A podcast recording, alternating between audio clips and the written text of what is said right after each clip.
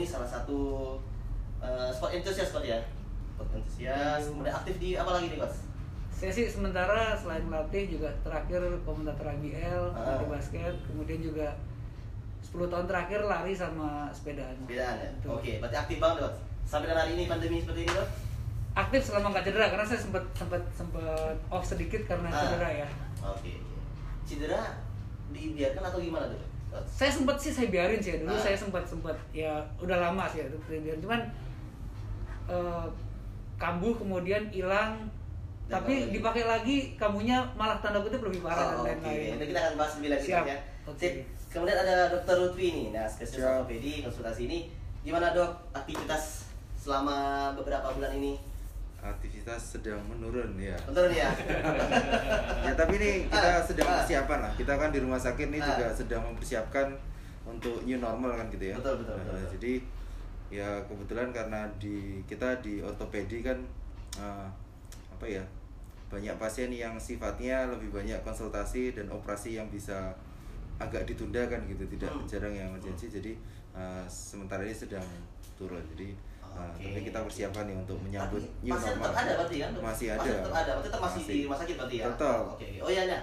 Ini kalau pertanyaan kita pakai masker karena kita ya pertama kita memang dianjurkan untuk pakai masker, ya kan? Betul. Tetap agak ada jarak juga di sini jadi biar eh, netizen juga tahu nih. Kemudian, ah ini dokter Megi nih yang kayaknya asik-asik aja nih. Gimana dok? Sama nggak sama kayak dokter eh, Lutfi nih di rumah sakit atau seperti apa dok? Ya sama kegiatan utamanya tetap di rumah Hmm. sakit. Hmm. Eh, syuting film dia Enggak ya, tetap eh, praktek tetap, Hmm. operasi tetap juga. Cuma memang ya berkurang karena kondisi ya. Hmm. Karena kondisi kita harus mengurangi pasien-pasien untuk operasinya juga. Hmm. Selain operasi ya kegiatannya yang ngajar lah masih. Ngajar ya pasti ya. Oke, nah kemudian Mas Enggar nih. Nah, Mas Enggar, saya ketemu Mas Enggar dulu pertama kali di timnas ya Mas Enggar ya. Ya. Di timnas U eh 19, U19 kan? 2008 apa sampai 2017 ya? 2018. Nah, jadi aktif juga nih di Visio timnas dulu ya. Nah, jadi pengalaman seperti apa? Iya, ya, lumayan. Jadi gimana tuh pengalamannya gitu tuh? Bisa sharing sedikit tuh. ya pasti maksudnya eh, pengalaman yang luar biasa gitu Hmm. maksudnya belum pernah ke sebuah tim tiba-tiba langsung masuk ke terjun langsung ke tim yang timnas ya maksudnya Betul, tim betul, betul, nasional betul, Indonesia betul, gitu kan betul, betul. itu ya pengalaman sangat luar biasa luar biasa ya. Oke, jadi Mas Enggar ini sekarang eh, aktif di Jogja Orthopedic Sport Clinic Mas Ya. Enggar ya. Semenjak kapan Mas Enggar? saya sejak 2018 2018 ya? ini langsung ke Ah, oke, jadi dia salah satu Sejak eh, awal ya. Sejak awal berarti ya. sejak awal Ini salah satu fisioterapis di eh, Jogja Orthopedic Sport Clinic. Hmm. Jadi Perintis memang dan punggawa betul betul betul betul. Jadi memang Idola, di- idola, Ah, idola. jadi kita Idola. betul di Jogja. Orthopedic Sport Clinic ini yang nanganin bukan kaleng-kaleng lah ibaratnya. Betul, bukan kaleng-kaleng kan. Jadi, jadi benar-benar yang ada pengalaman satu pasti ya kan. Nah, saya, ya pengalaman itu penting banget pasti ya dokter juga psikolog juga pasti ya. pengalaman pasti mengajarkan banyak banget ya yang di mana ya mungkin pas saat studi segala macam kan nggak didapet tapi pas terjun langsung ke lapangan nah itu bisa diterapkan langsung ternyata. Nah jadi Jogja Orthopedic sendiri punya ini Mas Enggar salah satunya Mas Enggar yang di mana dia sudah berpengalaman banget untuk menangani pasien terutama di bagian sport ya kan? Nah, ada Jogja Clinic nih, betul nih. Keren banget nih. Oke eh, ada banyak pertanyaan kemarin kita share nih. Kemarin kita share ada banyak banget pertanyaan yang masuk ke kita. Pasti nggak jauh-jauh dari cedera lah pasti ya. Nah, kalau nama fisioterapi udah nggak jauh-jauh dari cedera. Tapi kebetulan hari ini kan ada dokter eh, spesialis yang di mana ini bidangnya ortopedi. Ya ada beberapa tak pertanyaan yang ini saya mau tanyain langsung dulu deh. Dari Setiawan ah, ah Wahyu 14 Hmm. lutut saya terkilir dan belum bisa ditekuk atau diluruskan sudah 17 hari solusinya gimana nah ini mungkin dokter Lutfi bisa bantu Siap. kita Ya, prinsipnya gini. Kalau eh, Anda atau kita mengalami cedera lutut itu pertama kali datang, prinsipnya kita harus cek dulu kan gitu. Artinya ada banyak struktur yang ada di dalam lutut gitu. Kalau di saya sih paling tidak kalau memang yakin ini sumbernya dari lutut, satu mungkin dari tulang ya. Tulang. Kedua mungkin dari jaringan lunak di sekitarnya gitu. Oke, karena oke. lutut ini kan banyak Hmm. tulang pun nggak cuma satu kan gitu. ada tempurung lutut ada tulang paha ada tulang kering gitu. ada fibula nah jadi harus dicari dulu nih kira-kira yang mana karena masing-masing bisa terjadi cedera dan kadang cedera itu tidak hanya sendirian Oke, berarti dia nggak nggak cuma di situ gitu ya? Iya, Ada jadi misalnya ya? misalnya cederanya itu ya tulangnya cedera, Mhm. tapi ligamennya pun ikut cedera gitu. Jadi Oke. jadi ada fraktur patah misalnya atau patah dengan ligamen cedera atau jaringan lunak misalnya. Misalnya Mhm. ligamennya ada yang putus, kemudian bantalan lututnya pun ikut robek. Jadi makanya ya tergantung. Semakin berat cederanya biasanya pada waktu awal keluhannya pun semakin berat. Nah, jadi sebenarnya tergantung kemarin pada waktu pertama kali cedera ini seberapa berat. Kalau Oke. pada saat itu misalnya sampai tidak bisa jalan, kita biasanya curiganya sampai dengan hard tissue-nya. Tulangnya mungkin ada sesuatu gitu. Tapi semakin ringan kemungkinan ya cederanya mungkin soft tissue atau jaringan lunak yang ringan. Jadi seberapa berat awal itu terus terang menentukan. Oke. Makanya Ya. pentingnya sebenarnya screeningnya di awal. di awal berarti itu ya. Oh, Jadi cari dulu. tahu dulu tuh seperti Hmm. mana. Bukan Kan, di akhir gitu Betul. Iya. Ini kan banyak banget kadang-kadang orang kena cedera kayak gitu dia dibiarin aja nih, Dok. Nah, Ah, jangan-jangan cuma terkilir biasa. Nah, dibiarin aja tuh. Kalau yang otomatis kan sudah 17 hari nih, Dok, ya. Dok? Hmm. Dibiarin aja nih. Sebaiknya ke mana dulu nih, Dok? Apakah dilakukan ke visio, ke dokter atau seperti apa nih, Dok? ya prinsipnya Arahnya nih. Fisiknya kalau ada sesuatu kita harus tahu dulu nih Hmm. sesuatu itu apa kan gitu. Betul. Karena kalau semuanya hanya berdasarkan dugaan, Hmm. terapi kita ya hanya berdasarkan Dugaan juga. Hasilnya ya diduga-duga kan gitu artinya. Oke, oke. Jadi semuanya oh jadi nggak jelas ini dia. Jadi ya yang jelas yang bisa kita lihat screening pertama kalau memang cederanya dirasa cukup berat ya pasti biasanya kita ronsen. Ronsen. Karena Ronsen. itu harus kita singkirkan dulu. Betul. Karena kalau patah biasanya dan melibatkan sendi kemungkinan besar biasanya memang membutuhkan surgery kan gitu. Ya, oke. Kemungkinan Operasi, besar, tapi ya tidak selalu tapi Betul, betul. ya. Nah, nanti habis itu kalau ronsen ternyata aman, Mhm. nah kita lihat soft tissue-nya. Dan memang kadangkala untuk soft tissue ini karena kan sakit nih lutut, bengkak, Betul. sakit. Awal tuh kadang kita nggak bisa meriksa gak usah dipegang gitu diliatin aja sakit kan kalau habis cedera itu nggak usah dipegang baru Dilihat didatangi ya. iya baru didatangi dokternya aja udah "Eh, jangan dok jangan dok jangan pegang lutut saya awas kan gitu jadi uh, susah jadi biasanya memang ada fase kita press dulu jadi kalau dulu tuh ada namanya price press ice compression elevation. Berkembang jadi price kan ada protection. Betul. sekarang Betul. jadi polis ya mas Polis Enggar ya? terbaru. ya polisi apa ya protection, Protection. optimal loading kan gitu. Kalau memang bisa di loading Ice ya nggak harus nggak harus nggak dipakai kan gitu. Tetap digunakan tapi terbatas. Kemudian sama ice compression sama elevation.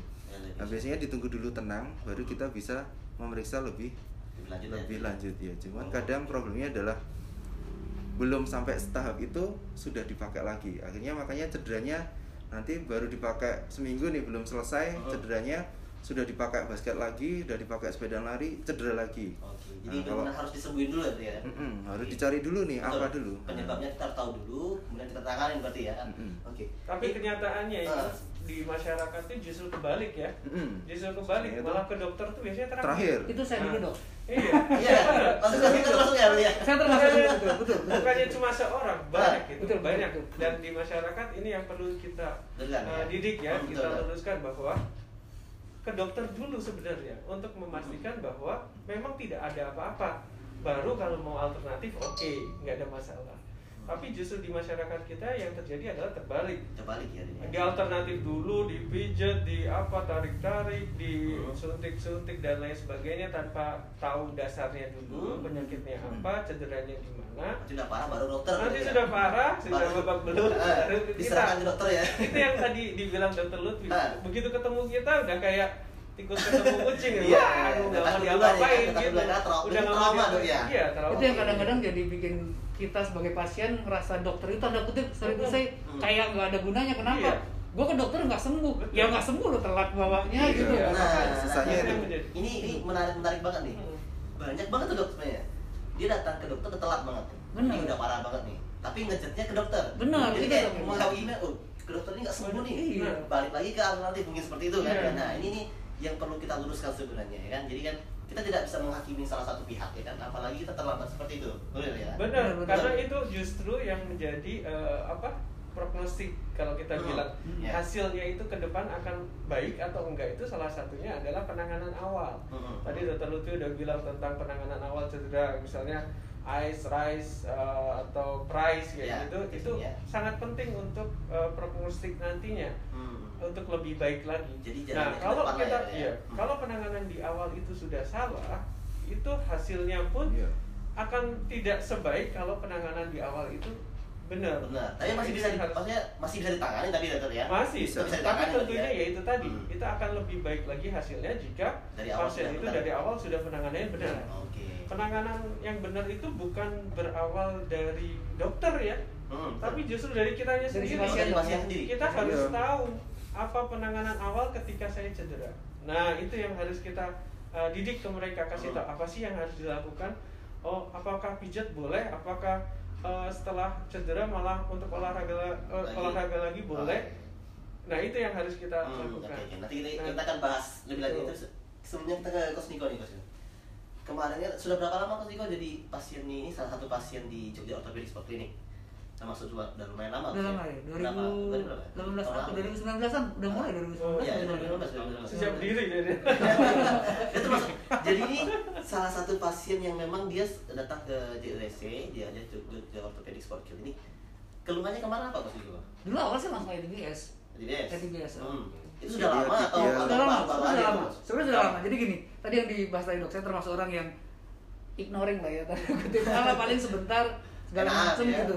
Karena sebenarnya saya sendiri penakut. Iya, iya. Takut kenapa? Takut karena kalau tadi didakwa dokter, divonis dokter dengan gini, duh gue gak bisa olahraga, gue gak boleh lari dan lain-lain gitu. Hmm. Itu jadi saya sebenarnya se- sebelum ada JOSC sudah sempat ke salah satu klinik di Jogja juga.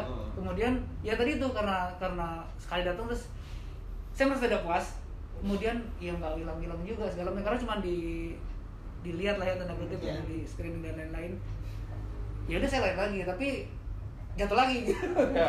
jatuh lagi. Jadi kawal lagi dan lain-lain kemudian saya ke sini kebetulan 2019 ya 2019 2019 ya? kemudian saya juga ikut habis itu kan ikut maraton dan lain-lain ikut lari segala macam nah itu puncaknya sama Senggar kalau nggak salah itu eh sama Senggar satu satu, satu lagi Mas ya Edel, Mas Edel ya. itu waktu mau persiapan Singapura Marathon terus Singapura Marathon. eh, eh, tapi ya. sebenarnya saya kan Semarang Hmm, hmm. Semarang itu 10k saya jalan, jalan tuh Jalan. jalan Dengan kondisi cedera? dengan kondisi karena jadi sabtunya tapering tuh 3-4 kilo itu Hmm. udah mulai kambung nih tapi kan udah sampai sana namanya ego kan ya Iya, gengsi dong. gengsi Gengsi ya, gengsi. yang Ini saya soalnya waktu kecil nontonnya Kapten Subasa.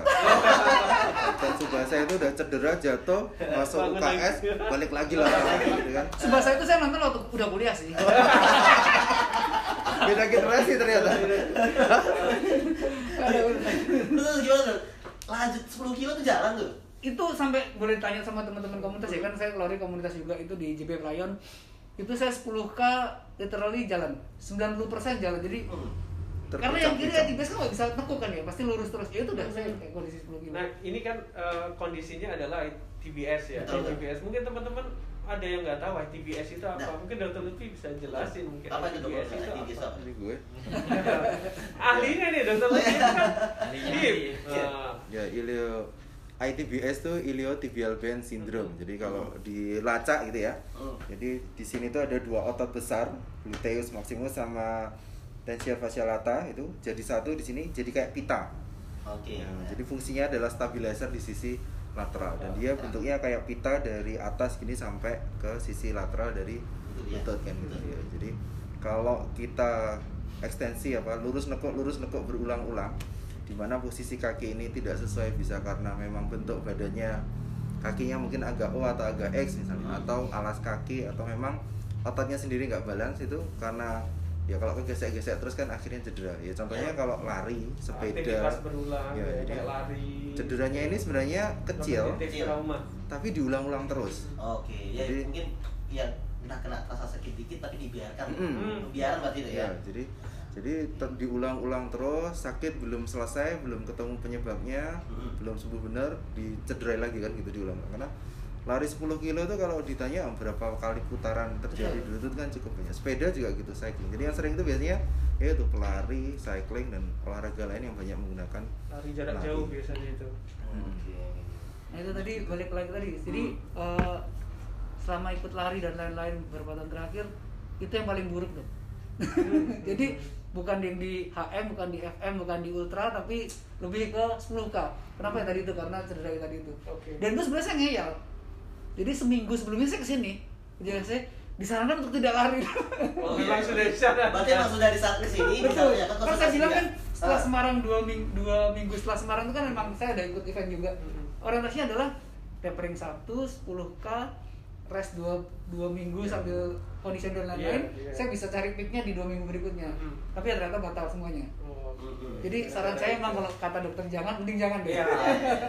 Berarti karena karena memang ini ya, memang bukan kita berarti melarang-larang olahraga bukan, tapi sebenarnya kita eh, memberikan waktu untuk jaringan yang cedera itu untuk healing Pulih- dulu, pulih lagi ya, dulu. pulih lagi. Nah itu butuh waktu. betul Nah itulah waktu kita yang eh, kita adviskan ke pasien, misalnya klien untuk istirahat dulu, yang bukan untuk eh, apa-apa ya. Hmm. Itu hanya untuk memberikan waktu supaya si sel-sel yang rusak, jaringan yang rusak itu kembali bisa ya penyembuhan lagi ya. ya. memperbarui diri Oke. lagi. Berarti Coach Niko ini kan kemarin konsultasi sama eh, fisioterapisnya, Hmm. jadi kalau memang sudah disarankan untuk Hmm. eh, tidak lari dulu ya. Terus tapi agak sedikit ngeyel lah. ya. Kembali lagi kan Su? Sedikit ya. Kembali Betul, lagi ya? betul, betul. Betul ini sesuai tema sih. Jadi cedera lama bahwa belum kelar jadi Belum kelar, kembali lagi gitu ya. Sebenarnya gimana sih dok kalau misalnya pas kemarin ya misalnya kita, ada, kita berandai-andai aja waktu disarankan untuk tidak lari dulu benar-benar diikutin nih nah bisa nggak penyembuhannya sedikit lebih cepat Ya Dari tadi ah. eh, tadi sudah sedikit dibahas di awal Hmm. bahwa penanganan awal atau perawatan awal itu akan menentukan prognosis, ya, Hmm. menentukan hasil.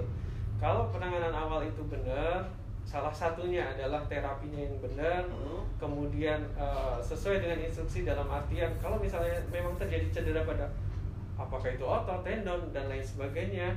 Nah, itu butuh waktu yang kita perkirakan adalah waktu untuk si jaringan itu kembali healing, sembuh lagi. Nah, kalau itu dilanggar, biasanya belum waktunya dia untuk sembuh, healing sempurna. Kalau kayak robekan gitu ya, dia belum kering lah lemnya itu untuk kuat sekali, dipakai untuk aktivitas ya dia akan robek lagi seperti itu dan itu akan menimbulkan masalah yang akan lebih besar eh, setelahnya, bukan akan lebih Iya. mudah untuk diterapi, tapi malah akan Malah akan mempersulit. itu Saya buat nih kata-kata dokter, Hmm. karena emang sebenarnya itu yang terjadi dok. Iya. Karena saya harus menopang yang kiri nggak bisa ngapain, yang kanan tuh jadi ngancing, Iya. hamstring, kena dan lain-lain. oke, Bener, jadi menjalar ini Iya. oke satu dibiarkan satunya lagi kena Mm-mm. oke berarti memang investasi banget sebenarnya kan kalau misalnya kita benerin satu ini supaya yang berikutnya nggak parah jadi kan Iya. oke Mas Enggar pernah nanganin Kosiko waktu Iya. kemarin pernah Pernah ya? kelas ya, dua kali apa Dua ya? kali. Ya, jadi gimana gimana Mas dari Mas sendiri? Ceritanya gimana? Ngeyelnya gimana? Ya, ini, ini pasti Berat ya? ada ngeyel nih. kalau ngomongnya ya sih saya nggak mau Pasti- ya. Pasti lebih banyak ketemu orang yang lebih Iya, pasti dari Iya, saya. lebih banyak lebih Iya, iya. Tapi rata-rata olahragawan tuh gitu lah. Ngeyel dulu yang pertama. Karena beberapa orang banyak masih menganut prinsip no pain no gain gitu Oh, ya ya ya ya. ya. Benar benar. Kalau sakit, nggak nggak apa, latihannya kurang. gitu Iya. ya. Gitu. Ya, jadi gitulah dengan eh, sedikit agak ngeyel dan memang sedikit kurang continue maksudnya dalam arti kurang berkesinambungan gitu kan ya Hmm. jadi memang agak sedikit susah tapi eh, oke Sabar sih. ya, oke ya. Sabar. Oke. Niko Siko, selama pengalaman Coach Niko datang ke Jogja Orthopedic ini, ya kan beberapa kali treatment kan IDB itu loh, Hmm. Ada nggak teman-teman juga yang datang ke sini kemudian bercerita sama Coach Niko untuk eh, gimana sih pelayanan di sini seperti apa, kemudian dia punya keluhan kembali seperti semula lagi atau seperti apa tuh Coach? Ada sih, karena memang saya juga secara eh, ini ini bukan karena saya tapping di USA enggak ya, Betul, memang Nah. saya selalu menyarankan kalau eh, apa ya udah ke sini aja kenapa tadi itu saya udah komparasi ke sebelum ada ini ya Hmm. saya ada tempat lain kemudian ya karena treatmentnya emang saya bilang tapi kalau di USA emang treatmentnya akan makan waktu. Tapi sembuhnya pun akan lebih total tanda kutip gitu. Karena kan memang tadi yang sudah dibahas di awal juga eh, ya semua treatmentnya akan bagus gitu sebagai proses. Jadi kan kita datang dilihat kenapa dicek semua baru akan ditentukan difonis kemudian akan ditentukan mau ngapain nih gitu. Jadi nggak asal Sebel ya? mengerikan. oh benar. Karena di sini bukan petok magic saya bilang. Iya, karena gitu. kita. apalagi apalagi eh, teman-teman saya apa anak didik tanda kutip ya teman-teman basket itu kan rata-rata masih usia dini lah ya masih masih masih bener lah ya. Dan itu yang saya pikir lu rest dua bulan itu akan menjamin keberlangsunganmu olahraga jauh lebih Iya. gitu. Betul, itu yang penting Betul, lagi. Daripada- mikirin Benar, oh, jangka pendek, SMA, masih 18 tahun ke bawah dipaksain cedera masih mainnya akhirnya cuma enam bulan ke depan habis itu rest pensiun kan sayang Iya, kan iya. gitu. Mendingan berarti saya sering sering seperti itu karena memang tapi pada akhirnya gitu oh bener ya coach ya. Aku suruh balik enam kali ke sini segala macam tapi worth it gitu. Kemudian beberapa orang juga ada yang walaupun ada yang ngeyel tadi juga. Maksudnya Ada itu. baru sekali dua kali kan Iya, sekali dua kali Manusiawi. nggak datang gitu loh. Nggak datang kenapa? Benturan ikut sama pelatihan dan lain-lain gitu. Iya. ini juga yang sebenarnya saya pengen uh, tantangannya di sana ya. betul. Saya pengen sampaikan ke teman-teman pelatih dan lain-lain juga bahwasanya pentingnya sport science sekarang gitu loh. Menahan anak-anak. Lu nggak kecuali kalau kamu nggak latihan tapi main ke mall. Beda cerita ya dok ya? Lu kalau kamu nggak latihan tapi izin untuk Hmm. treatment untuk kesembuhan cedera dan lain-lain itu kan menjamin keberlangsungan si anak jadi Betul, masa depan juga. betul saya nggak pengen sih teman-teman pelatih itu yang mungkin nggak ada semoga nggak ada ya cuman bagaimana si pelatih itu maksakan si anak bermain Hmm. yang penting tim gue juara tim gue bagus dan lain-lain setelah itu kan. Iya, iya. dia step up ke KU20 kan udah bukan tanggung jawab saya lagi nah itu yang Hmm. sebenarnya mengerikan sih buat Iya, anak-anak ngeri, ngeri. karena di Jogja cukup banyak teman-teman yang cerdas ego lah ya ya ego ego Iya, iya. ego ya oke itu memaksakan orang ya Betul. cuma kan gini ke eh, kadang kan anak kalau misalnya kita berbicara masalah anak yang masih muda lah ya kan ngeyelnya pasti ada Benar, benar. egonya masih ada. Kemudian dapat informasi kadang-kadang simpang siur nih ya kan. Katanya sini katanya sana sana kok kos Niko sendiri nih? Pernah nggak kos? Ada yang eh, anak didiknya aku katanya suruh ke sini tapi malah lebih parah gitu loh. Jadi dia sebelum ke memang ke, ke dokter ke fisioterapi malah disuruh ke mana-mana dulu loh. Pernah nggak anak pernah sih itu? pernah. Karena gini lebih ke beberapa ya beberapa dok ya beberapa kes Hmm. orang tua. Faktor orang tua kan konservatif kan tanda kutip ya. Hmm. jadi pengennya pijat sembuh dan lain-lain gitu. Hmm. ini yang saya bilang kalau ada orang tua pasti saya selalu ngomong pentingnya sport science. Tadi itu balik lagi. Harus observasi yang benar. Kondisinya harus tepat gitu loh. Jadi kalau saya ke sini kok malah tambah sakit kamu diapain? Ya biasa di ini diurut. Fisioterapi itu bukan fisioterapi itu measure tanda kutip ya gitu saya bilang gitu. Bener terus gitu Pernah- pernah gitu. Ada juga yang Dan banyak kayak gitu. Saya Banyak ya, benar, nah, juga menurut, menurut dokter sendiri gimana tanggapannya dok? Kalau yang tentang seperti ini. Nah, kadang-kadang pasti ujung-ujungnya ke dokter lagi nih. Kan? Ya, itu kembali lagi ke lagi. Muter, lagi Nah, ke dokter nih ya. Nah, padahal yang di mana kalau misalnya dia datang ke tempat eh, ke bisa dibilang tempatnya tepat dulu lah, ya kan? Ke dokter dulu atau ke mana dulu memang penanganannya kan jauh lebih mudah ya. Apa sih sebenarnya masalah di luar ini? Apakah informasi kurang sampai ke mereka atau seperti apa sih dokter ini? takut sama dokter oh, enggak sih ya mungkin ya terus kita kayaknya ngeri banget ya oke. jadi terakhir Apalagi dokter bedah gitu ya. Iya, kan, Soalnya dokter Wah, bedah. ya mungkin Memang itu. gitu yang membuat pahamnya stigma ya. pahamnya mungkin mereka tuh ngerasanya kalau udah ke dokter tuh pasti nanti operasi Nah itu dia, jangan-jangan kalau dokter Iya. operasi, jangan operasi itu apa emang benar-benar pas ke dokter kalau oh, ini operasi kita atau sih enggak? sebenarnya kalau memang semuanya bisa diselesaikan tanpa operasi ya tanpa operasi kan gitu ya. Cuman memang Selesai. untuk mendapatkan sesuatu yang akurat itu butuh pemeriksaan yang jauh lebih detail. Jadi memang Hmm. kadang sekarang sebenarnya enak kita sudah ada BPJS kan gitu dan Hmm. cedera olahraga ini saya rasa di Sarjito pun nggak ada masalah untuk cedera olahraga. Artinya nggak ada yang ditolak BPJS kan gitu. Hmm. Artinya mau MRI mau apa itu enak-enak ya? aja bisa. Bisa, Oh, jadi bisa dikerjakan karena ya itu tadi kalau kita cuma menduga-duga ya semua pemeriksaan itu kan ada apa namanya akurasinya gitu ya. Ya kayak COVID-19 ya. Rapid test itu kan ya bisa digunakan tapi kan akurasinya, akurasinya tidak ya? iya kan gitu ya. Semakin canggih terus terang biasanya akurasinya akan Semakin semakin mendekati sempurna Nah, dok ya? jadi ada ronsen, ronsen itu kebanyakan hanya untuk cedera tulang. Nanti kalau soft tissue kita butuh biasanya MRI atau USG. Nah itu biasanya kita detail dulu kan gitu. Nah, nanti kita bisa memplankan rencana berikutnya itu apa. Ya. hasilnya. Sesuai hasilnya. Kalau memang tidak perlu operasi sebenarnya saya juga nggak pernah menyarankan operasi apalagi kalau atlet muda-muda gini kan Hmm. eman-eman kan gitu maksudnya anak anak di muda mudah-mudahan ya mudah-mudahan Masa itu berbakat. Jadi agak kelulusan juga berarti nggak nggak selalu harus dioperasi berarti kan ya? Enggak Nggak selalu dioperasi kan? Nah, apa dulu kelainannya kan nah itu jadi kalau cedera tuh pas ke dokter bukan berarti langsung dioperasi berarti Iya. kita harus dites cedera. Jadi buat ngurusin juga nih teman-teman di uh, sobat US ini biar tahu nih. Hmm. Nah, tergantung derajat Tergantung. kelainannya itu Modalitas. kayak misalnya cedera itu ada derajat 1, 2, 3 gitu Nah, kan mm. kita tentukan dulu nah Hmm. itulah kata dokter Lutfi kita butuh pemeriksaan yang untuk membantu untuk menentukan itu saya Hmm. kadang heran kalau ketemu teman-teman apa pasien gitu ya Betul. udah di mana ini katanya apa ini pemeriksaannya apa enggak Nggak ada. Nah, kalau dari mana Superman dia gitu ya berarti tapi percaya Kadang- banget kadang Percaya. saya- Ah, iya, iya, iya. kadang malah lebih percaya mereka gitu Ah. Nah, kita itu uh, biasanya memang sudah di uh, digariskan kita diajarkan bahwa semua penegakan diagnosis itu harus benar-benar valid.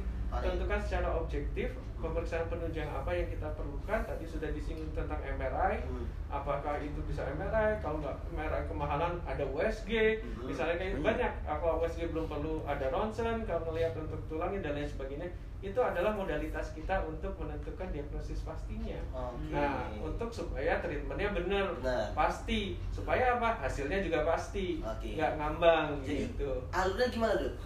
Dari dokter itu setelah ya setelah diterima ke dokter berarti maksudnya ke fisioterapi atau seperti apa dok? Sebelum atau sesudah nih? Eh, Nah, misalnya kalau eh, Tergantung tergantung ya, Tergantung lagi tergantung Nah, ah. balik lagi tadi tergantung diagnosisnya ya. Hmm. Penegakan diagnosis apa? Kalau memang ternyata tidak diperlukan tindakan operasi, Betul. ya tentunya kita konservatif. Apa Hmm. yang konservatif? Ya bisa obat-obatan dan salah satunya adalah fisioterapi, Fisioterapi. psikoterapi. Psikoterapi, Nah itu ya. bisa dilakukan terlebih dahulu.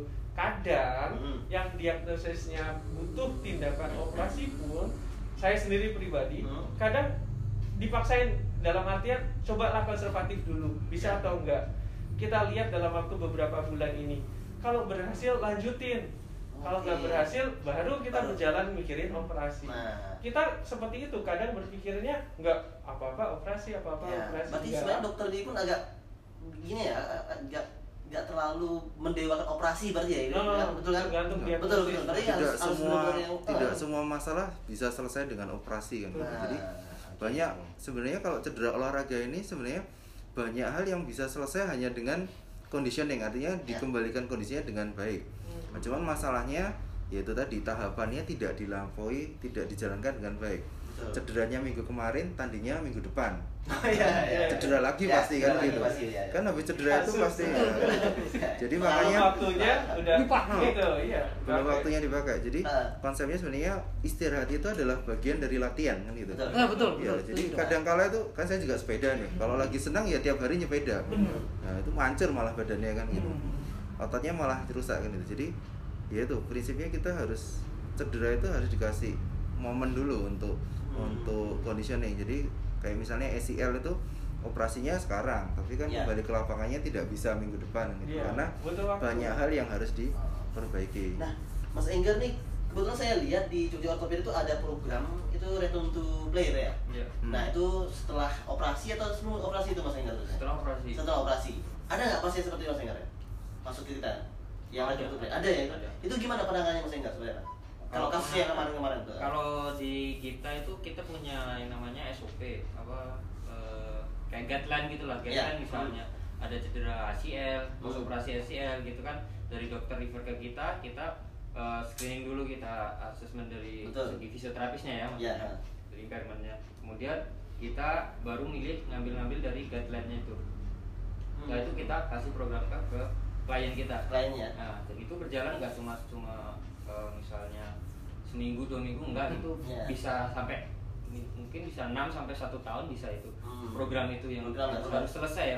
Programnya ya? Panjang. Beda-beda kan Sudah ya? jelas ya. Ya programnya Jelas udah ya? udah jelas itu udah sesuai. Artinya dengan- walaupun beda orang itu sama. guideline-nya sama ya. Karena sama. Oh, karena sudah tadi ada SOP tadi itu ya? Iya kita Oke. udah ada guideline-nya dari.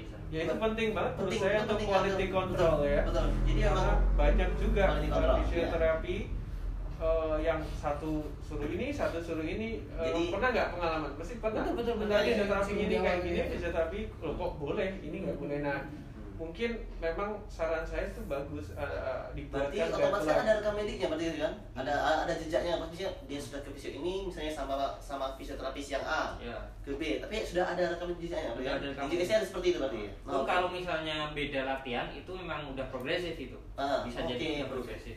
Betul. Gitu kan nggak mungkin dari awal sampai akhir latihannya Sama gitu, terus terus gitu. Berarti kan tercatat semua kan Iya, progresnya. Oh, Oke, berarti di JKC pelatih seperti itu. Ah, Dan Oke. itu pun maksudnya bisa jadi regresi ketika dia Hmm. mengalami stagnan. Oke. Itu kita bisa turunin lagi balikin lagi ke latihan yang bentuk yang lebih ringan Oh, gitu kan. oh. Kan namanya kayak gitu kan kita nggak bisa naikin terus Ah, gitu iya, kan. iya, namanya betul, pasti kayak gini. Ya, jadi ngomong-ngomong ya. ngomong-ngomong tentang report nih pengalaman saya saya pernah kirim pasien ke sini Hmm. dan eh, saya rasa reportnya bagus gitu loh Iya. dia balikin pasien ke saya dengan report yang jelas ini pasien sudah dilakukan kayak gini kayak gini Hmm. dengan hasil seperti ini Eh, mohon petunjuk selanjutnya seperti apa nah saya Oke. rasa nggak semua fisioterapi seperti itu nggak semua center fisioterapi seperti itu Hmm. artinya dia mungkin menjaga kualitas juga untuk Berarti kan otomatis kan dia bisa, eh, misalnya ada, ada satu, satu- salah satu pasien dari dokter ini nih misalnya kan datang sini walaupun misalnya tidak apa tidak direkomendasi atau apa pun itu, tapi datang ke sini nih ke dokter ortopedis klinik ini. Dari dokter ortopedis klinik ini berarti ngasih feedback berarti ke dokternya seperti itu feedback, ngasih feedback lagi? oke. Iya. itu pasiennya yang datang kasih ke dokter lagi atau dari visionya tuh Eh, kita bisa titipin ke pasiennya juga bisa Oh. Langsung ke dokternya kalau Oke, memang nah dari dokternya kita kalau yang kasus seperti itu dok, misalnya kan sudah dapat catatan nih dari visionya lagi nih, apa ke dokternya lagi tuh, itu seperti apa lagi dok penanganannya dok? Biasanya tergantung progresnya. Ah, lihat progresnya, Nah, progresnya, progresnya, progres. betul, betul, Kalau betul. progresnya itu sudah tercapai, Hmm. artinya sudah cukup, ya sudah selesai. Tapi kalau misalnya progresnya masih ngambang, misalnya eh, gerakannya eh, nekuknya, fleksinya itu masih 90 derajat, padahal Hmm. target kita 120, ya kita kembalikan lagi. Kembali lagi, sana berarti- untuk nah. melanjutkan. Biasanya seperti itu sih. Nah, kan pas dikembalikan seperti itu kan ada catatan ya ada entah itu progres atau stagnan atau benar- malah nggak ada sama sekali perubahan tuh. Nah Hmm. itu berarti salah satu eh, tolak ukur juga bahwa eh, butuh dilanjutkan atau malah yang ke operasi tadi berarti Betul. kan? Oh oke oke. Nah kalau Coach Niko sendiri nih Niko selama ngalamin ID gitu kendala yang paling berat deh yang Niko rasa seperti apa pas saat ya kan kemarin kan ada lari jam 10 kilo tuh Hmm. larinya 90% jalan gitu kan pasti paksain banget tuh bisa nggak sampai ke kaki yang sebelahnya lagi atau malah cedera yang Ya eh, tadi berbeda lagi eh, saya bahas di saya singgung di awal tadi bahwasanya kalau belum beres 100% Mhm. enggak mendekati 60% lah malah belum Betul. 100% akan menyebabkan cedera yang lain gitu. Kenapa? Saya otomatis yang kanan jadi Tumpuan. lupang kan Tumpuan, betul. tumpuan. Sama di pinggang pasti kena. Kompensasi bener. Kompensasi kompensasi bener bener tadi. oh iya ada kompensasi itu jadi misalnya kiri yang nggak kuat satu kanannya yang ngepang gitu ya Betul. oke Iya. nah Saya Jadi kena kita itu sebenarnya eh, kayak Sistem ya? rantai, Ya. chains. Hmm. Jadi berhubungan. Ankle berhubungan dengan eh, knee, berhubungan dengan hip, spine dan lain sebagainya. Ya, kalau Ketika kayak mobil ini shock breaker anu ya? Iya. Hmm. Ketika salah satu bermasalah kita akan menimbulkan masalah di tempat lain. Hmm. Tadi dising apa disenggol dikit nih masalah tentang ankle nih. Ada yang tanya juga nih dok dari Arda nih namanya. Jadi terkilir saat lari sudah tiga hari lalu dipakai lagi kemudian sakit. Nah itu kenapa itu ya? Jadi tiga hari lalu tuh dia udah cedera nih. Terkilir tuh bagian ankle-nya tapi udah agak enakan. Tiga hari kemudian enakan. Dia pakai lari lagi nih terus sakit lagi ternyata. Tapi nggak ada pembengkakan. Ini apa nih dok? Eh, mungkin dari dari dari cerita pertanyaan teman kita ini diagnosanya seperti apa ya ya bersifat kalau keseleo ankle ya Hmm. tadi sebenarnya ada gradingnya gitu ya. Betul. Seberapa berat cederanya. Jadi ankle itu kan ada beberapa tulang yang bekerja sama Betul. kan ada kayak talinya gitu ya. Ya. Nah tali itu kalaupun robek itu bisa robek sebagian bisa robek total. Ya kalau awalnya bengkaknya minimal sebenarnya robeknya juga cuma sedikit harapannya. Hmm. kan gitu. Nah cuman healing itu ada fasenya penyembuhan itu ada Ada fasenya. fasenya, kayak kulit lah kalau kulit kita itu robek kan nggak tiga hari langsung jadi Pasti, kan ya, gitu ya, pasti ada masih ada krustanya masih ada ininya. Kadang setiap hari masih keluar darahnya lagi. Hmm. nah kalau sudah dipaksa untuk kerja keras lagi dipakai untuk olahraga lagi ya dia akan cedera ulang. Dan Oh, oke. semakin lukanya semakin sering itu ya kayak kulit lagi gampangnya lah. Yang sama-sama kita bisa lihat. Ya kalau lukanya nggak bagus kulitnya juga jadinya nanti nggak mulus kan gitu diganti nggak sempurna. ya penyebab nggak sempurna. jadi Penyebab kalau istilahnya diganti oleh jaringan ikat Hmm. di mana jaringan ikat itu ya kayak kalau plastik ditambal atau kalau kalau besi dilas gitu ya Hmm. artinya las-lasannya itu biasanya kekuatannya tidak akan sebaik Ya, aslinya. aslinya, aslinya, aslinya. itu dia problemnya di sana nanti Hmm. jadi karena dia tidak bisa lentur selentur aslinya jadinya cederanya malah nanti akan berulang. Berulang. Makanya Kronis pernah gitu, dengar cedera berulang gitu. Kalau pernah cedera itu kok sering banget. ya. Lagi salah, ya, lagi, salah lagi. satunya adalah penanganan yang nggak benar. Balik lagi penanganan di awal yang nggak benar sehingga tergesa-gesa iya sehingga penyembuhannya juga nggak maksimal yang harusnya uh, misal uh, ligamen dengan ligamen jadi sembuh total gara-gara belum jadi ligamen yang asli akhirnya cedera lagi dibentuklah jaringan paru tadi Oke. yang secara teori dia lebih lemah makanya terjadi cedera berulang Nah, gitu Ini pasti pasiennya jadi Jogja ortopedi kan pasti ada tuh ankle, Mas Enggar ya? Pasti Banyak, ada ankle. banyak banget. Itu dilakuin apa Mas Enggar kalau di sini Mas Enggar? Di sini, seperti apa Mas Enggar? Ya tergantung itu tadi eh, dari aktualitasnya juga ya. Hmm. Kita lihat apakah dia barusan kejadiannya atau ada Hmm. bengkak atau ada apa gitu kan. Itu nanti menentukan eh, bagaimana kita menangani pasien itu. Misalnya Hmm. dia masih bengkak ya kita perlu yang namanya misalnya tes kayak gitu untuk Ya. mengurangi nyerinya, Mengurangi nyeri, mengurangi, ya. em, mengontrol bengkaknya kayak gitu kan.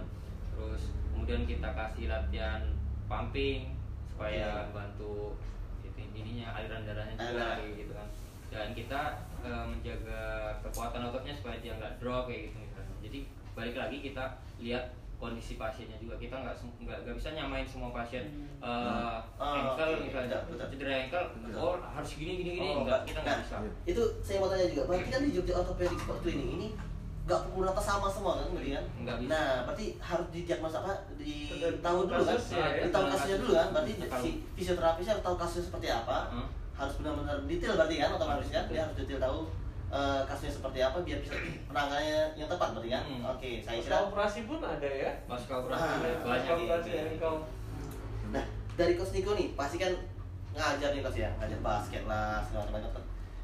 Pernah nggak pas lagi latihan ada ada yang tiba-tiba ankle? Pasti Pernah. ya, pernah kan? Nah, kok dulu saya pernah lihat itu, eh Coach juga pas setelah kena ankle, dia disuruh jongkok dulu. Jinjit, Ya, ya disuruh jongkok. Nah itu tuh, kenapa tuh Coach? Ya, biasanya pelatih-pelatih sering sering sering suruh itu, sering jongkok aja dulu, habis itu main lagi. Itu, kenapa tuh? Kalau saya sih saya lebih masih penasaran itu, benar-benar. benar-benar kalau saya kalau saya eh, saya suruh jongkok nggak boleh nggak boleh ngendorin sepatu dan lain lalu treatment awal tuh iya sih Hmm. tapi kalau untuk udah enak kan main lagi itu yang saya nggak pernah Iya, iya, Mungkin iya. saya Nah. mungkin saya termasuk pela- goblok kali ya mungkin Ah, goblok. cuman saya saya lebih lebih menjaga si anak sih daripada mempertaruhkan gitu kan oh. tapi sih itu tadi sih lebih eh, karena kan kalau sudah enakan malah saya buka sepatu dan lain rest gitu kalau saya loh ya Iya. tapi kalau kalau untuk meng- mengencangkan sepatu dan lain-lain segala macam kemudian jangan langsung dilonggarin dan lain-lain itu memang saya pernah melakukan tapi eh, mungkin dokter-dokter akan kasih Mas Enggar juga mungkin akan kasih pandangan yang lebih tepat kali ya Eh, menarik itu ya. Untuk apa ya? bener, bener. Cuma kalau menurut Bener. saya kalau dilihat dari dia jongkoknya, Ah. mungkin itu kasusnya kram ya. Kram. Hmm. Kalau kram itu biasanya memang kita lawan arah gerakannya Ya. dengan cara gini ya. Jinjit ya. Nah, jinjit. Nah, dengan jinjit itu Betul. apa dengan jongkok itu dia memaksa untuk eh, lebih stretch lagi Ya. supaya mengurangi kramnya Kram otot tadi. sebenarnya. Betul. Tapi Stop ya, kalau cedera kayaknya enggak ya. Hmm. Kalau cedera kayaknya Nggak tidak ada ya? tidak ada hubungannya ada dengan hubungannya. kenapa harus Jongkok, jongkok, yang- dan itu hmm. mungkin hanya stretching aja. Bicara kalau ini dok, eh, apa namanya ada juga kan yang eh, kaget ya mungkin ya kaget atau apa ya mungkin saya nggak ngerti ankle gitu tapi ternyata tidak ankle cuman kaget gitu aja gitu. Iya. Oh, itu itu gimana dok? Ya itu kaget itu mungkin otot ya kram otot.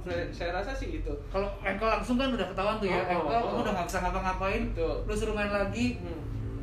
almarhum Kobe Bryant aja pernah tapi itu itu kelasnya udah NBA dan levelnya dan Ya. treatment segala macam itu itu aja harus masuk locker room dulu Betul. treatment di Ya. baru dia keluar lagi gitu Iya, iya, iya. kan kalau saya rasa kalau di levelnya Jogja SMA Indonesia gitu kalau menurut saya sih ya saya tadi makanya saya tanya dokter Mas Enggar juga eh, kok menurut saya nggak aman ya dok ya kalau mas ankle treatment sebentar oh, main lagi saya main lagi gitu. Tadi kalau bilang nopenogen ya benar sih. Hmm. tapi kan nopenogen itu kan kita lihat juga kondisinya mas Enggar ya. Kalau merasakan juga kan nggak bagus juga Tapi menurut saya itu pendidikan itu. susahnya susahnya di kita susahnya nggak cuma nggak cuma pelatih ya. Dokter pun yang kalau jaga di lapangan itu kadang juga dilema. Artinya eh, kapan kita mengizinkan kembali atlet ini itu, untuk kembali? Itu, karena itu. cedera yang sama itu bisa efeknya kan beda-beda sih makanya eh, mungkin yang harus ke depan ini digalakkan mungkin adalah bagaimana kita bisa mengevaluasi ya nggak cuma nggak cuma dokter kalau bisa kan coachnya juga bisa mengevaluasi.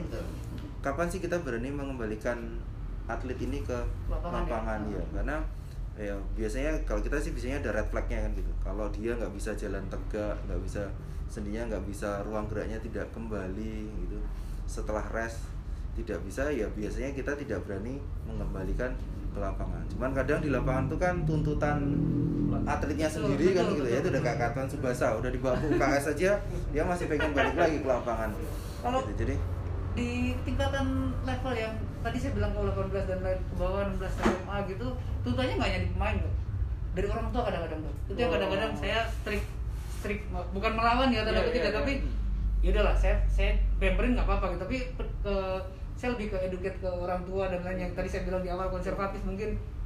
Nggak apa-apa kos. Nanti itu nanti pulang nanti dipijat segala macam. Iya kalau cuman capek Iya. dipijat Nah, itu ya. kalau iya, kita iya, iya. nggak tahu ya Iya, iya, ya. Ya itu yang kadang-kadang seberapa penting eh, kita ngasih edukasi ke Betul, itu penting tua. banget menurut saya. di sana. Jadi eh, yang perlu di apa garis bawahi adalah mungkin yang di lapangan adalah kan bukan kita nih dokter, Hmm, tapi coach biasanya. Nah, coach inilah yang perlu dibekali edukasi. Setuju, Jadi Dok. sport, eh, sport science Iya, tadi, heeh. bagaimana sih penanganan awal cedera, bagaimana sih menemukan bahwa ada red flagnya tadi, Hmm. Am- eh, mana sih eh, cedera yang tidak boleh untuk dipaksakan ya, untuk kembali bermain ya. ke sport untuk harus istirahat sampai harus istirahat panjang. Iya. Mungkin itu yang perlu uh, ke Sangat depan penting, Dok, ya. jadi kita uh, apa ya galakkan itu. karena kalau edukasi. sudah dipaksakan bermain kemudian cedera amit-amit ya Iya. pelatih Iya. juga ada yang kemarin Oh. Oh, iya, anak benar. gua udah sakit gini-gini dipaksain main cedera kan gitu saya kalau ke rumah apa apa-apa masih bisa Buat sebab lah. susah kan Soalnya gua malah bener pokoknya. makanya itu Serba salah juga ya Mas, ya. Serba salah. Lima ini nanti salah Iya, kan iya. Oke, kita coba buka pertanyaan nih dari netizen Mbak. ada lumayan banyak ini kan masuk nih coba salah satunya saya open kan uh, Dr. Rufi bisa lihat di itu ya. Ada satu pertanyaan nih dok nih dari aww.mlu BGT malu banget. Nah. Nih, dia nanya tentang ACL nih dok nih. Saya operasi ACL tahun kemarin. Semenjak pandemik jarang gerakin kaki. Ngaruh nggak dok? Gara-gara jarang gerakin kaki. Nah ini ngaruh nggak dok? nih, dok? mau jawaban singkat apa panjang jawaban singkat ngaruh Singkat boleh boleh singkat. Nggak ngaruh dok ya? ngaruh kan gitu Ngaruh. Banget tuh. Ngaruh Ngaruhnya, ngaruhnya gimana nih dok? Prinsipnya ACL nih ya kalau Iya. kita cedera ACL itu fisio itu sebenarnya dimulai sejak sebelum operasi. Betul. gitu. Jadi ada kondisi optimal kita mau operasi. Jadi kadang kala pasien juga gitu udah cedera dok saya mau operasi besok. Gitu. Nggak bisa karena lu nekuk belum bisa jalan belum baik. Jadi kita ada conditioning dulu. Jadi Hmm. namanya prehab. Jadi diperbaiki dulu. Kondisinya distabilkan dulu tenang baru kita operasi hasilnya akan lebih maksimal. Jadi ini juga penting tidak selalu lebih cepat itu lebih baik Iya. gitu ya Oh, oke. Iya itu tadi ada emang ada fase terbaiknya itu kapan itu ada jadi nggak Tapi bisa. yang kondisi yang lebih optimal akan menghasilkan yang Ya, lebih baik. gitu. Tapi kalau sudah dioptimalisasi, insya Allah ke depan hasilnya akan jauh lebih Lebih baik. baik. Begitu juga setelah operasi. Tadi Mas Enggar cerita kalau apa namanya fisioterapi itu macam-macam. Iya fisioterapi itu terus terang tidak hanya dipanasi apa di diatermi tidak cuma tes tidak cuma infrared nggak cuma itu. Banyak sebenarnya modalitasnya. Dan itu tuh setiap pasien setiap minggu itu mungkin akan berbeda. Nah itu makanya kenapa kita juga lebih senang berhubungan dengan orang yang memang atau fisioterapi yang memang terlibat di sport. Yang di- tahu, ya. Tahu, karena iya, banyak banyak banyak mungkin yang modalitasnya ya itu itu lagi. Jadi ya kalau sekarang sudah tidak ada bengkaknya ya ngapain di masas misalnya gitu.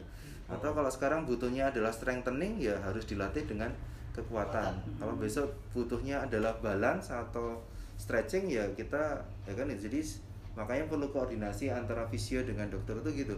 Pasien ini sekarang di mana? Gitu. Jadi nggak bisa serahkan ke fisio gitu. Oke fisioterapi. Fisioterapi pun kalau kami biasanya mintanya apa itu ada Hmm. saya minta ini dilatih romnya dulu nekoknya maksimal dulu harus bisa lurus dulu nekoknya 90 dulu Berarti Mas Enggar pernah dapat seperti itu Mas Enggar? Sering. Sering ya? Iya. Sering ya? Berarti di, di Jojo Ortopedi sering? Karena masing-masing kasus tuh beda. Beda. Yang perlu diperhatikan Ah, adalah masing-masing case tuh beda. Dan note yang perlu diperhatikan oleh fisioterapis adalah note dari dokter yang merujuk itu. Ah. Karena tidak semua Oke. itu sama. Sama. Misalnya ACL, ACL aja atau ACL dengan meniskus misalnya Hmm, gitu. beda-beda. ACL Nah, dengan beda-beda. MCL, LCL dan lain sebagainya. ACL beda-beda. pasiennya gendut. Pasien gendut sama yang kurus ya beda. Ah. treatmentnya pun akan berbeda Akan ya? berbeda. Jadi masing-masing orang ya, case ya. yang sama beda, Hmm. eh, case yang berbeda lebih-lebih. prinsipnya kayak bikin baju lah. Baju itu Ya. tidak bisa semua orang pakai Fitnya baju beda-beda, sama Dok, ya? iya jadi kalau mau bagus ya tailor. Betul, betul. diukur masing-masing kan gitu. Jadi ya makanya pentingnya visio itu juga mengevaluasi kita sama-sama mengevaluasi kan gitu. Jadi ya biar kita bisa menjahitkan latihan atau program yang paling sesuai untuk pasiennya gitu. Dan Dan ya? Apa? Dan nanti berbeda juga dok ya, saya potong dok. Hmm. Karena tadi dokter bilang kan pentingnya visio yang paham olahraga tanda kutip. Hmm. Nah itu ya. Benar, karena kan memang saya nih dok saya sakit, saya pengen sembuh optimal, nanti saya mau main basket lagi, saya mulai lagi. Hmm. Ada juga kan orang yang udah lah gue udah Hmm. malas olahraga, Nah, yang itu penting juga. sembuh aja gitu. Betul. Itu itu kan, itu gimana mas Enggar? itu beda jadi kalau misalnya bedanya kan ada sebenarnya fisioterapi itu mencakup banyak ada fisioterapi olahraga fisioterapi anak fisioterapi orang tua Hmm. fisioterapi Luas, neuro kayak gitu luas ya, luas ya. luas Jika sekedar sembuh ya jadi Nah, ya. cuma kalau cuma sekedar sembuh mungkin ke fisioterapi yang umum sih Hmm. Sudah. oke lah ya Ya kayak dokter lah ya, ada spesialisnya Iya. masing-masing. Nanti kita berkegiatan biasa udah enak kan, Iya. bisa pakai lari 2-3 kilo, ambruk lagi gitu Nah, mungkin. itu ya. yang membedakan nanti ke fisioterapi olahraga fisioterapi olahraga nggak cuma cukup sampai sekedar sembuh Hmm, tapi itu maksudnya. bagaimana dia Back bisa sport, balik ya? lagi ke Iya. olahraga yang mereka Oh, sukai. Optimal olahraga lagi ya. Betul. Mungkin itu jawaban dari Jawaban dari kenapa sih harus ke sport Nah, fisioterapi. itu Betul, benar, gitu ya. Nggak sekedar visio ya, Nggak ya. sekedar benar. dia harus ya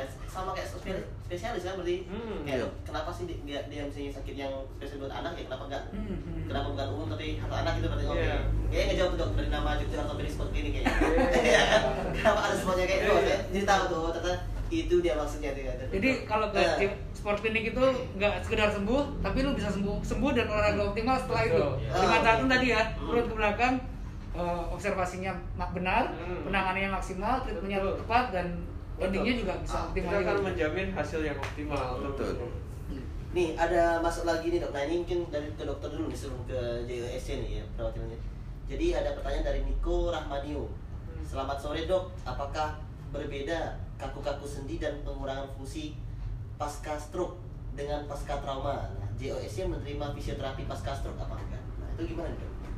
Sebenarnya Ini dari kalau kalau Gimana? ditanya bisa atau enggaknya bisa Hmm. bisa Betul. karena Betul. memang fisioterapi Basicnya. kita dulu belajar ya kayak gitu Betul. juga cuma kita lebih ke concern ke arah yang Spesialisasi Spesialisasinya di eh, Sport ortopedi sport dan ya. sport kayak gitu sih Nah, kalau dari pandangan dokter sendiri gimana dok? Kalau misalnya eh, ya itu pas stroke dia ada visio juga berarti dok ya? Iya. Apa? Iya, kalau Iya sih. eh, orang stroke itu kan biasanya eh, ada kelemahan otot, Iya. ada ke- eh, otomatis dia bed rest lama dan otomatis dengan bed rest lama itu pengaruhnya ke sistem muskuloskeletal juga rangka di mana tulangnya kekuatannya berkurang, jadi apa istilahnya osteoporosis, persendiannya bisa kaku kalau nggak digerakkan, ototnya bisa kecil karena nggak digerakkan latihan. Nah itu gunanya fisioterapi. Nah, fisioterapi secara umum ya tadi sudah dibahas sama Mas Enggar bahwa itu luas, apa pun ada fisioterapi anak, untuk saraf, untuk sport. Nah, itu mungkin yang untuk saraf dalam artian fisioterapi untuk menguatkan um, uh, menguatkan kembali otot-otot supaya sendinya nggak kaku dan lain sebagainya, menghindari komplikasi dan lain sebagainya. Saya rasa ya tetap masih ranahnya bisa dilakukan oleh fisioterapi. masih bisa di fisioterapi ya. Hmm. Nah, tadi nih dia si Setiawan Wahyu ini kan nggak balas nih. Tadi kan kita kejawab Hmm. pertanyaan dia nih, dia nggak balas nih dok. Nah, dok hari ketiga pun saya sudah bisa buat jalan yang 17 hari tadi dok. Hari ketiga tuh hari ketiga udah bisa jalan nih walaupun pincang. Bahkan hari ketujuh sudah bisa buat naik turun tangga. Tapi sampai detik ini, sampai hari ini dok, dia nggak bisa tekuk tuh dok. Ini apa sih lutut Nah, atau apa sih? yang ankle ya? Yang yang Lutut. yang lutut, yang lutut 17 Sudah hari. 17 tadi. hari nggak Nah, sama lima tadi. Eh, yang lutut itu kembali lagi, Hmm. balik lagi sih sebenarnya udah dijelasin tadi. Hmm. Kita harus pastikan dulu itu masalahnya apa. Berarti dia ar- arahnya dia Kalau dulu, sudah Dok? terjadi 17 hari tanpa ada perubahan, nah itu Hmm. kan red, red flag lah Betul, sebenarnya. Kenapa sebelum eh, seharusnya kita harus tentukan dulu apakah perlu ronsen, apakah perlu USG, Hmm. apakah perlu MRI untuk memastikan itu. Kalau dilihat dari gejalanya sih kayaknya ada kelainan di dalam sendi intraartikulernya. salah satunya yang bisa menjadi gangguan nekuk terus Hmm. bisa dilurusin itu biasanya meniskusnya Meniskus. atau bantalan sendinya nah bantalan sendi itu kan bentuknya kayak cincin tuh di sendi Ya. itu untuk bantalan absorber gitu ya kalau dia terjadi robek gitu robekan dia kayak flipping gitu ya kayak nekuk-nekuk gitu nah Hmm. pada posisi tertentu dia kelipet sakit banget kayak ngunci kayak ya posisi tertentu lepas enakan nah di posisi lagi nekuk lagi sakit lagi lepas nah Oke. itu harus tahu eh, kita bisa tahu itu dengan salah satunya dengan MRI MRI. Walaupun arahnya kadang ke rumah sakit ke dokter dulu berarti ya dia ya untuk Oke. pastikan dulu pastikan. Terus Jadi, sebenarnya Mas- Mas Wahyu nih selama 17 hari udah diapain nih lutut? Nah, itu. Nah, itu dia yang penting. Satu kadang udah dipijat-pijat Ah, ditarik-tarik ya. dan Jadi kalau- itu ya Visio itu kan banyak fungsinya tadi, artinya satu mengembalikan kekuatan, meng- pertama mengurangi nyeri, Betul. bisa mengurangi bengkak, kemudian mengembalikan kekuatan, yang keempat mungkin mengembalikan fleksibilitas atau ruang gerak lututnya. Ya kalau habis cedera itu kan pasti kaku toh. Ya. Kalau selama ini dia fokusnya latihan hanya untuk kekuatan, Mhm. tapi latihan nekuk lurusnya tidak dilatih, Ya, ya, bisa aja ya kan. ya. Nah, jadi banyak masih Banyak. banyak hal yang harus kita gali dulu kan gitu untuk bisa saran saya dapat sih kita. harus eh, ke dokter, Ke dokter ya, ya, untuk di- memastikan dulu Nah, ini jadi Dicek dulu kan gitu. Sarankan untuk ke dokter dulu, baru setelah dari dokter baru kelanjutannya lagi ya. Mhm. Oke, nah masuk lagi nih ke cederanya Coach Niko yang lama. Ini kan ITBS juga, ya, uh, Coach ya. Dari Mas Enggar nih penanganan seperti apa Mas, Mas Enggar? Apa bisa kita langsung ya, Mas, Mas Boleh, kalau boleh ya. Oke, kita coba uh, ke ruang langsung penanganannya seperti apa sih kalau orang cedera tuh di Jogja Orthopedic Sport Clinic? Nah, jadi mungkin banyak yang penasaran nih. Oke. kalian modelnya nih si coach ini modelnya dulu digimanain gitu. Nah ini boleh, yuk kita coba ke ruangan treatmentnya nih. Ruangan treatment dari Jogja Orthopedic Sport Clinic. Nah ini seperti apa? Ini banyak tanya nih, jangan-jangan ditarik lah, diapain nih Coba, coba. Jadi ini ruang treatmentnya. ya jadi ruang treatmentnya di sini nanti tempat eksekusi kita ini di sini. Di sini, di sini ya? Oke. Jadi nanti yang pertama ya kita eh, asesmen dulu lah. Mhm. kita ngobrol ke pasiennya apa keluhannya kita cari eh, kita cari tahu eh, apa penyebab dari nyerinya. Kalau memang cuma cedera ringan kita bisa langsung tangani. Cuma kalau misalnya memang eh, cederanya memang cukup berat ya memang ya kita butuh bantuan dari dokter Dari untuk mendiagnosa kayak gitu, gitu kan. Ini Ah. kasusnya di kaki kanan apa kiri? Bos? yang kiri yang Yang kiri ya, yang kiri ya Kaki kiri ya waktu coach, waktu dulu coach Niko uh, ada masalah di ITB Betul. ITBS itu salah satu memacam jaringan ikat di bagian luar lutut Mhm. yang paling sering bermasalah yang paling eh, sering nyeri itu di daerah sini benar Ya. tapi daerah sini juga eh, nggak menutup kemungkinan dia ada masalah tertarik juga ya, karena tertarik ya. tertarik ke makanya dia berasal dari dua otot paling atas di sini jadi sebenarnya kalau kita eh, treatment eh, klien itu kita nggak bisa ngelihat cuma kalau misalnya nyeri di sini kita tangan di sini tuh gitu nggak bisa Oke, berarti kita harus tahu anatomi berarti kan? iya ya pasti Nah, itu itu pegangan Nah, jadi-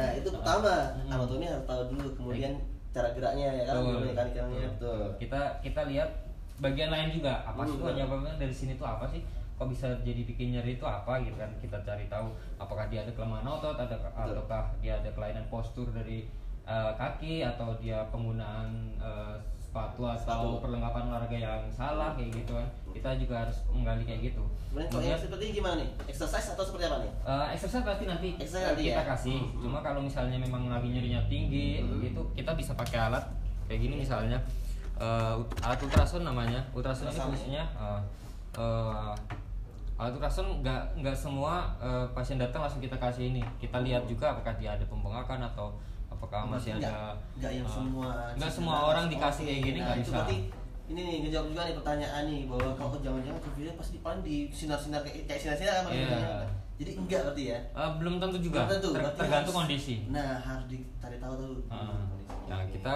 kasih kayak Betul. gini, kemudian kita misalnya ada alat kayak gini, itu eh, alat ini eh, fungsinya untuk mengurangi nyeri atau pain relief ya, Pain relief. mengurangi nggak menghilangkan ya. Ya.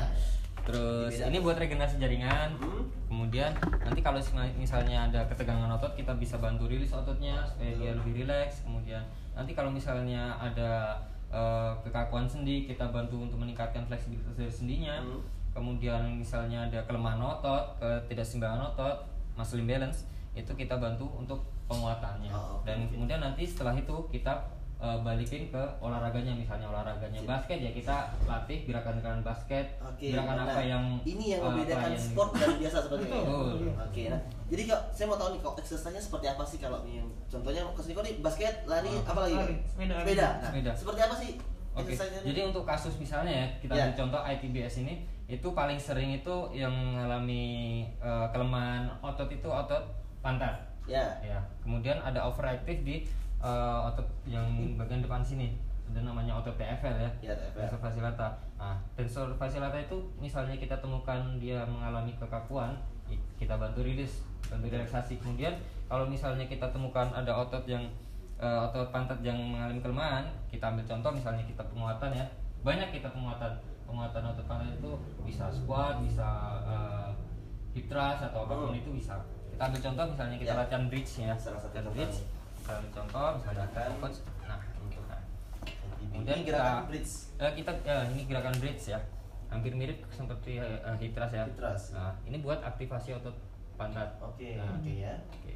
misalnya tahan 10 detik nanti turun kemudian naik lagi. nah nanti naik lagi kayak gitu. Berarti ini sebenarnya gerakannya memang bisa dilakukan di rumah, itu eh, sebenarnya wajib. Jadi kita nanti eh, membuat program di sini program latihan itu untuk dilakukan di rumah. Oh, jadi nggak oke, cukup nah. nggak cukup latihan di sini itu saya rasa kurang efektif Oke, ya. berarti kan otomatis pasien datang sini seka- sekalian untuk belajar gimana caranya betul. eh, menangani sendiri di rumah gitu kan. betul betul Terus kembali lagi untuk dilihat di Hmm. eh, progres berikutnya berarti Ah, kan. iya. Oke, oke. Berarti nggak yang cuman pasrah aja. Enggak. Tunggu sini enggak ya? Enggak. Oke. Jadi kita melibatkan eh, di pemulihan itu kita melibatkan eh, banyak banyak Banyak individu ya, ya. iya, faktor. Nggak cuma dari visionya, dari individu. Tadi kan udah ada satu gerakan itu. Ada satu gerakan lagi nggak? Eh, contohnya Selain- misalnya untuk Betul. penguatan yang kalau tadi untuk penguatan eh, otot Pantat ya. pantat yang Iya. tengah ya yang Betul, di betul. belakang, kemudian kita aktifasi eh, untuk penguatan otot yang bagian samping yang bagian samping sini. Jadi otot pantat itu banyak. Iya. Nah, misalnya miring ke sana. Miring dulu. Miring ke sana, misalnya kita ambil contoh tekuk dua-duanya. Oke. Misalnya kita nggak punya alat entah itu karet atau apa pun, itu kita bisa pakai eh, gaya gravitasi untuk latihan. Oke. Nah, masih- misalnya contohnya kayak gini. Nah, ini eh, misalnya ditahan misalnya 10 detik ya. 10 Mhm. detik nanti istirahat. Istirahat turun, nanti istirahat misalnya 8 detik, nanti naik lagi kayak gitu. Nah, kayak gini. Hmm. Ini salah satu contoh yang Oke. murah meriah tanpa pakai alat kita. Nah, jadi dua gerakan tadi sebenarnya sudah sederhana banget ya. Sederhana banget. Nanti kalau misalnya gini udah bagus, kita eh, progresif ke latihan-latihan yang lebih berat Oh, dan oke. nanti mengarah ke eh, olahraganya dia. apa. Olahraga ya? Oh. Oke, sip. Thank you banget Oke. Mas Niko dan Mas Senggar. Setelah dari Jogja Orthopedic kita bisa kembali lagi. Oke.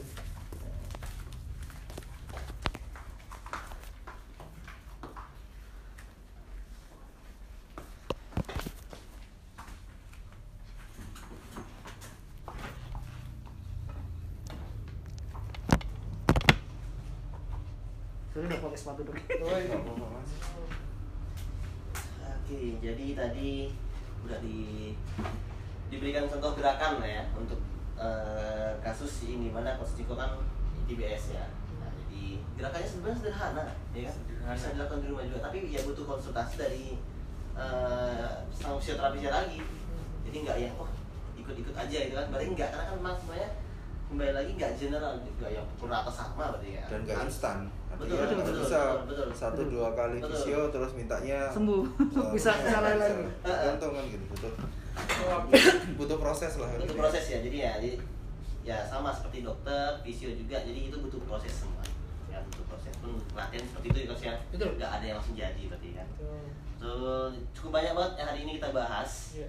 ya kan dari TBS kemudian ada pertanyaan ICR tadi kemudian mitos-mitos yang beredar di masyarakat tentang apakah harus diurut apa enggak seperti itu kan. Nah kembali lagi eh, mungkin di episode kali ini sudah kita ngebahas tentang hip, knee, ya ada beberapa tadi ankle dan ankle nanti di episode berikutnya lagi mungkin biar siapa tahu Coach Diko, siapa tahu cedera lagi ya sampai Siapa tahu.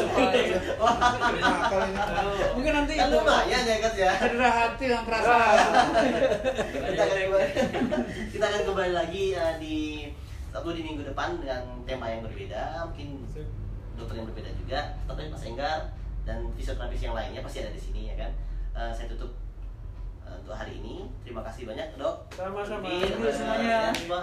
Terima kasih banyak sudah di sini. Sukses selalu. Yes. Ya. Siap. Terima kasih. Terima Oke. kasih. Thank you. Ya.